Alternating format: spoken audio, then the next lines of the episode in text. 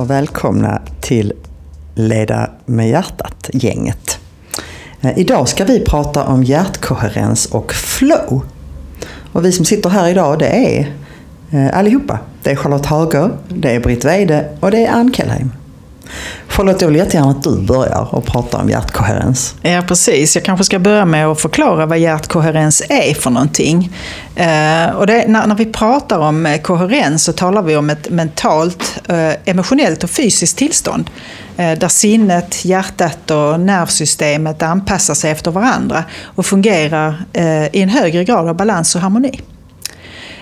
Och, och varje människas koherens är knuten till ett otaliga processer som gör oss till de vi är. Och det är liksom hjärtat, hjärnan, nerv, hormon, immunsystem, bland andra. Det är många system som rör sig i vår kropp.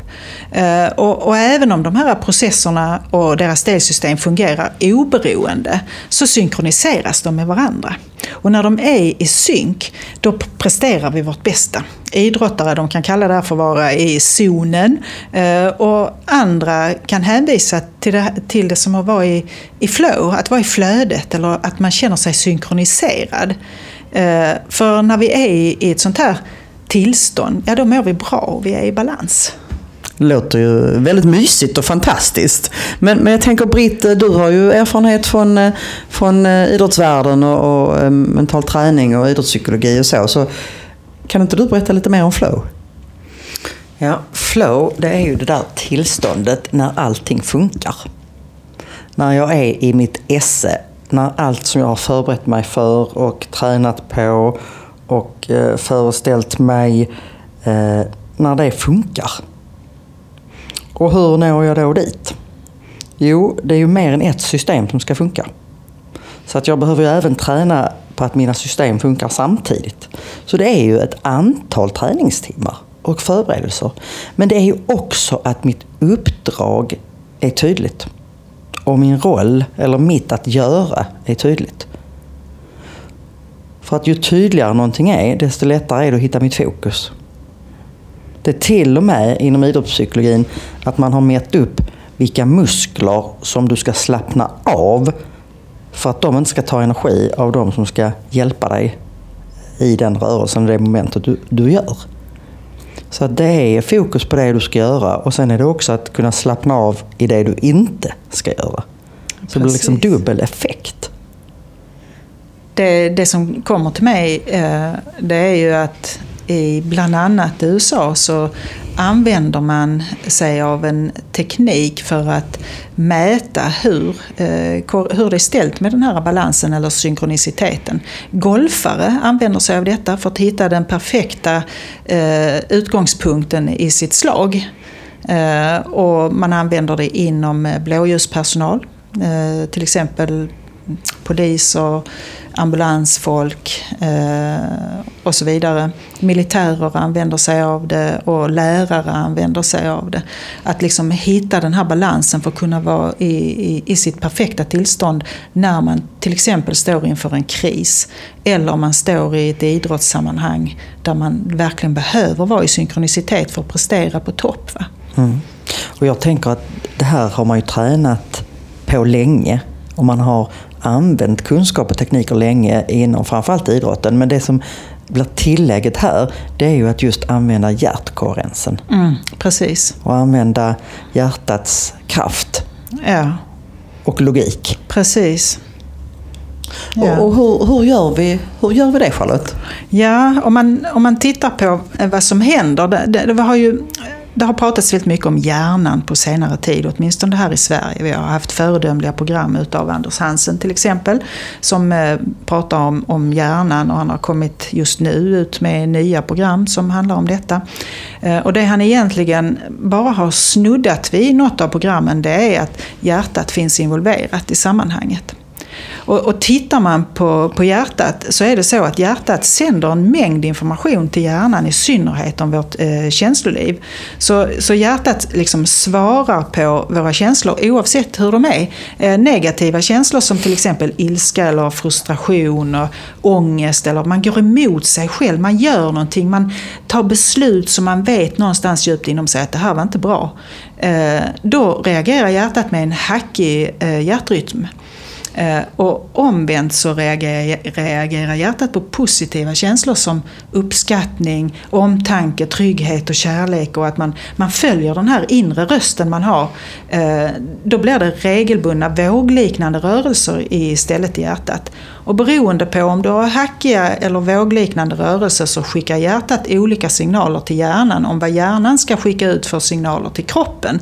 Och det ena är kortisol och det andra är serotonin. Och kortisol det är vårt eget stresshormon eh, eh som var otroligt bra på savannen men inte lika bra i vårt moderna samhälle. Medan serotonin det är ju vårt lyckohormon som gör att vi blir stabila Eh, vi blir mer fokuserade, eh, vi, vi känner oss mer eh, i, eh, i flow eh, kan man säga. Så det där är ju väldigt intressant liksom att förstå logiken i hur hjärtat hjälper oss att komma i den här synkroniciteten. Och det finns ju en mängd övningar eh, kring hur man kan liksom skapa den här koherensen. Jag tänker vi kommer tillbaka till det sen. Mm. Jag blir lite provocerad av ordet lyckohormon. Ja, så blir du det? Ja, för ja. jag tänker att det är mer än så. Ja, det kan, det, berätta hur du tänker. Ja, jag tänker att det, det är hormon som får vår kropp till att hitta något läge där vi trivs. Ja. Och det i sin tur leder till lycka. Mm. Och jag, jag grundar det här bland annat på en av de första eh, modellerna och metoderna jag fick lära mig när jag läste idrottspsykologi på universitetet i Lund eh, i början av 90-talet. Då tittar man på anspänningsnivå. Och man tittar på vilken grundspänningsnivå eh, människor har. Och vi ligger olika i grundspänningsnivå beroende på våra olika dels vår DNA och hela vår uppsättning men också vår personlighet. Så att vissa människor de, de, de går på en högre grundspänningsnivå än andra. Och ska man, om man tar till exempel ett lag som man ska peppa igång inför en prestation. De som redan ligger på en hög anspänningsnivå, de kan bli lite överpeppade. Medan man kanske då får med de som ligger på en lägre anspänningsnivå. Så att vi är så himla eh, unika alla, alla individer. Och sen är det så, så att man pratar om peak performance. Och för att, som ju lirar väldigt nära flow, det är ju liksom där du är i ditt esse. När det är som absolut gynnsamma, gynnsammast för dig att prestera bäst och vara den bästa versionen av dig själv. Då är det så att du, du beroende på vilken grundspänningsnivå du har så behöver du hitta rätt eh, sorts anspänning. Ibland pratar man om både arousal och anxiety. Alltså både att, att peppa igång sig och ångest. Eller arousal är ju mycket mer att vara uppmärksam. När jag är liksom perfekt mått av, av uh, arousal då är det det positiva, precis det jag behöver. Man pratar ibland om Björn Borg som exempel på en som har en grund, uh, eller vad heter det, låg eh, grundspänningsnivå och som inte liksom blev, tände till för det riktigt verkade hetta till. Eh, och så var han. Och fick ju liksom då hantera det och, och var ju ofta bäst när det gällde för att då kom liksom den här arousal. Men när det då går över till anxiety, då tar det eh, energi. Och det är då det kan komma igång många negativa tankar. Och det här, det här möter vi i alla möjliga sorts eh, situationer. Jag tycker det är jätteintressant att, att lyssna på detta jag, tyck, jag tycker också att det är så tydligt i idrott. Man utövar och, och, och tittar på idrott så, så, så, blir det väldigt tydligt i idrotten. Så jag, så jag tänker hur det du pratar om nu Britt. Mm. Hur, hur kan chefer och ledare i, i organisationer, alltså på våra liksom vanliga mm. så säga, arbetsplatser, hur kan de jobba med det, tänker du? Alltså tydlighet är ju ibland underskattat. Och kanske ibland överskattat också. Men, och vad är då tydlighet? Jo, det är ju hur förbereder jag mig? Och också hur har jag tränat? Har, har jag förutsättningar att lyckas med uppgiften jag har framför mig? Har jag rätt eh, kompetens och rätt erfarenhet och, och rätt eh, personlighet eh, med mera? Eh, och, så det är väldigt mycket förberedelse men det är också vad är det jag ska göra? Hur tydligt är uppdraget? Mm. Och min roll. Mm. För att ju mer jag kan fokusera på rätt saker, desto mer rätt resultat kommer jag få. Mm. Jag tänker också på, på deras medarbetare. Alltså chefens, ledarens medarbetare. Och jag tänker, vad, vad blir skillnaden för dem om, om ledaren ser till så att den här eh, balansen är så, så bra som möjligt och liksom positiv hjärtkoherens. Och... Då får du ju bättre förutsättningar att lyckas. Mm. Jag, jag, som en eh, reflektion på det du berättar Britt, så när förutsättningarna är besvärliga, strukturen eller organisationen i sig är besvärlig och man känner att, att här man går emot sig själv och sina värderingar i en organisation, vilket verkligen kan hända i många olika sammanhang. Mm. Att man går emot sig själv, man känner att det sitter några värderingar på väggen men det är ingen som följer dem. Mm. Eh, och i synnerhet inte de chefer som finns över mig, följer inte dem heller. Mm. Uh, och var, var, hamnar jag då i detta? Och tittar man på hjärtkoherens då, när man går emot sig själv, det som jag sa innan, det innebär att vi automatiskt släpper på, släpper ut kortisol. Eh, och eh, kortisolet gör någonting med oss som inte är bra för oss. Eh, kortisolet påverkar vår känsla av stress, för det, bli, för det här snurra runt i kroppen tillräckligt länge så blir det lite mer permanent stresstillstånd och får det löpa på så kan vi hamna i utbrändhet och vi förstår inte varför. Eh, och det här hänger ihop med själva hjärtkoherensen. Att eh, om vi hela tiden går i motstånd istället för att gå med lätthet, eh, då hamnar vi lätt i de här jobbiga situationerna. Så att kontexten är ju väldigt viktig i, i sammanhanget. Mm. Ann? Alltså jag har ett exempel som, som jag var med om förra veckan. Med en HR-chef som jag handledde. Och där hon hade varit på ett, ett möte och hon hade ställt frågor kring eh, ett sätt som de, som de jobbade på. Eh, och eh, det hade blivit sådär lite tyst i rummet. Och hon bar ju med sig det här och var lite fundersam och sen så hade hon fått ett mail av en av de andra om att det var kanske inte så bra att agera så som hon gjorde för att det kanske inte chefen gillade och, och så här. Och, och hon var genuint förvånad. Och, och, och, och fundersam. Eh, så hon, hon, precis som att hon behövde titta på detta liksom flera gånger från liksom, flera olika perspektiv. Men det jag noterade då när vi satt och pratade var att hon satt, satt och, och la handen på, på bröstet mm. flera gånger. Så, eh, så jag, jag, bad ju henne att liksom gå in i, i kroppen och känslan och, liksom, och vad, vad det handlade om. Och, och bara med, med den första frågan så, så, så fick hon tårar i ögonen. Eh, och det blir ju väldigt tydligt att det här är ju någonting som inte stämmer med hennes värderingar. Precis. Att hon, hon anade då, hon hade inte sett det tidigare, men hon anade ju att i värsta fall så kanske det var så att det rådde en tystnadskultur. Eller, och att man inte fick, och att det fanns liksom vissa heliga kor kanske som man inte fick lov att ifrågasätta. Eh, och sen kom vi inte längre i detta samtalet. Nej, men det visar ju tydligt på det vi pratar ja, om här, tycker ja, jag. Mm. Ja. Jag tänker också att eh, när det krockar med våra värderingar, eller det behöver inte vara så starkt. Det kan vara att, det, att vi inte riktigt, riktigt förstår uppdraget. Precis, så kan det vara. Eh, eller mm. sammanhanget vi ska leverera i eller målgruppen vi vänder oss till. Ja, otydlighet. Ja, så fort det är någon otydlighet då, då, då känner vi det i kroppen. Mm. Och det tar energi. Så för att, för att uh, kunna nå en mer eh, gynnsam eh, hjärtkoherens och eh, närma oss eller, eller nå flow, nå mer flow, så behöver vi ha eh, ett öra mot rälsen eh, på vad, vad det är som, som vi behöver eh, bli kloka på. Vad vi behöver få tydlighet i. För annars kommer det ta en massa energi av oss. Och den energin hade vi annars lagt på det vi ska göra. Precis. Och lite skämtsamt så, så har jag ibland klienter, och jag har tänkt det här själv också ibland, att man har tänkt, om man till exempel har, har, har mycket som tar ens energi i det privata livet så kan man tänka så här, thank God it's Monday. För att då kan jag gå in i min professionella roll. Som ju är eh, avgränsad. Mm. Och många gånger, många gånger tydlig. Så det kan hjälpa en. Jag vill gärna komma in här Britt, för jag tänker du säger det här med att man, man känner i kroppen. och eh, även då eh, att det tar energi. Och då tänker jag så här, alla känner inte kroppen. Alla är liksom inte där att de, att de får upp det. I sitt, alltså kroppens reaktioner är i sitt medvetande. Eh, men det tar energi. Men, Den, är, den är alltid där. Så eh, oavsett om du är medveten eller inte Mm. så tar det energi. Precis.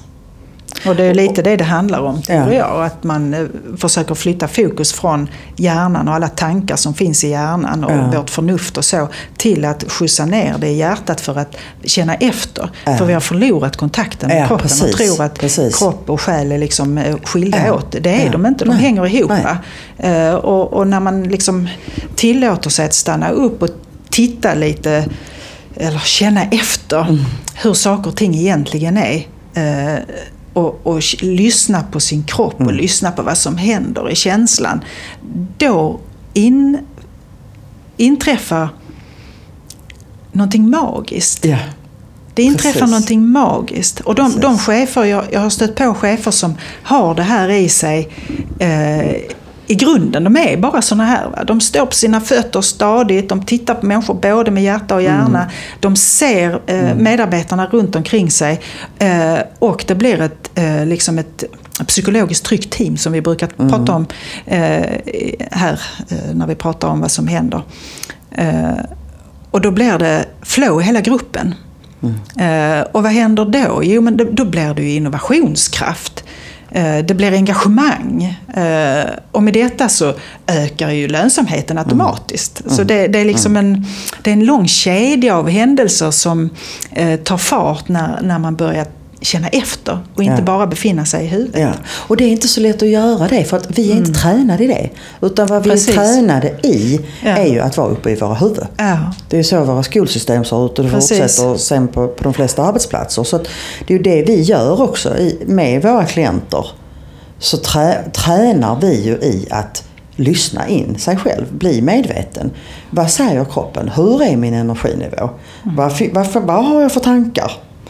Och, och sen så liksom jobba med det så att man medvetet kan, kan, kan eh, göra val. Ja. Britt? Och konsten att leda med hjärtat handlar ju om att inkludera hjärtat och utmana de där sanningarna som vi går omkring och tror i huvudet. Just. Som bara är en del av all information vi har tillgång till. Precis. Och här vill jag så gärna referera till Björn Natthiko som säger jag kan ha fel. Eh, Och eh, jag behöver inte tro på alla mina tankar. Eller hur säger han? Han säger ungefär så. va? Ja. Mm. Eh, att, Tro inte på alla dina han, tankar. Ja, ja, men han bjuder ju in oss till att, att inte tro på alla våra tankar. Mm. För att eh, tankarna kan ju också komma utifrån rädslor och det här primitiva. Och, och dra iväg oss på något, håll som liksom inte är sant och som inte är äkta. Så det gäller ju att stanna upp och reflektera. Och det tränar vi ju människor i, Mm. bland annat. Vi är mer än tankar. Ja, precis. Vi är mer än, än rädslor och Ja. begränsningar. Vi, vi är så mycket mer. Och om vi kan omfamna hjärtats kraft och använda hjärtkoherensen så får vi tillgång till mer. Ja. Och vi har ju själv varit på utvecklingsresor här. Där vi har ökat vår medvetenhet och lärt oss att lyssna in både kropp och känslor och tankar och så vidare. Och jobbar ju sedan många år tillbaka allihopa med att stötta individer, grupper, chefer, ledare i detta. Och detta gör vi med så mycket glädje. Vi Ja. brinner ju verkligen för detta, eller hur? Absolut. Jag, jag tänkte att eh, det hade väl varit fantastiskt att få avrunda det här samtalet med att eh, ge en liten, liten metod för hur man kan komma i, eh, i det här tillståndet. Och, och det första som behöver ske det är att skifta fokus från hjärnan till hjärtat. Och det gör man genom att lägga sin hand på hjärtat. Och gärna den vänstra handen på hjärtat. Och sedan föreställer du dig att ditt andetag det flyter in och ut ur ditt hjärta eller ditt bröstområde. In och ut. Och så andas du lite långsammare och lite djupare än vanligt. Ett förslag är att du andas in under fem sekunder och andas ut under fem sekunder. Och för varje steg så drar du in känslan av en inre lätthet för att balansera din mentala och emotionella energi. Tänk dig då en situation där, där det har varit, känns bra, det har känts lätt att eh, befinna sig i den här situationen. Och så visualiserar du den bilden och så drar du in den med andningen in i ditt hjärta. Och så bara andas in och andas ut.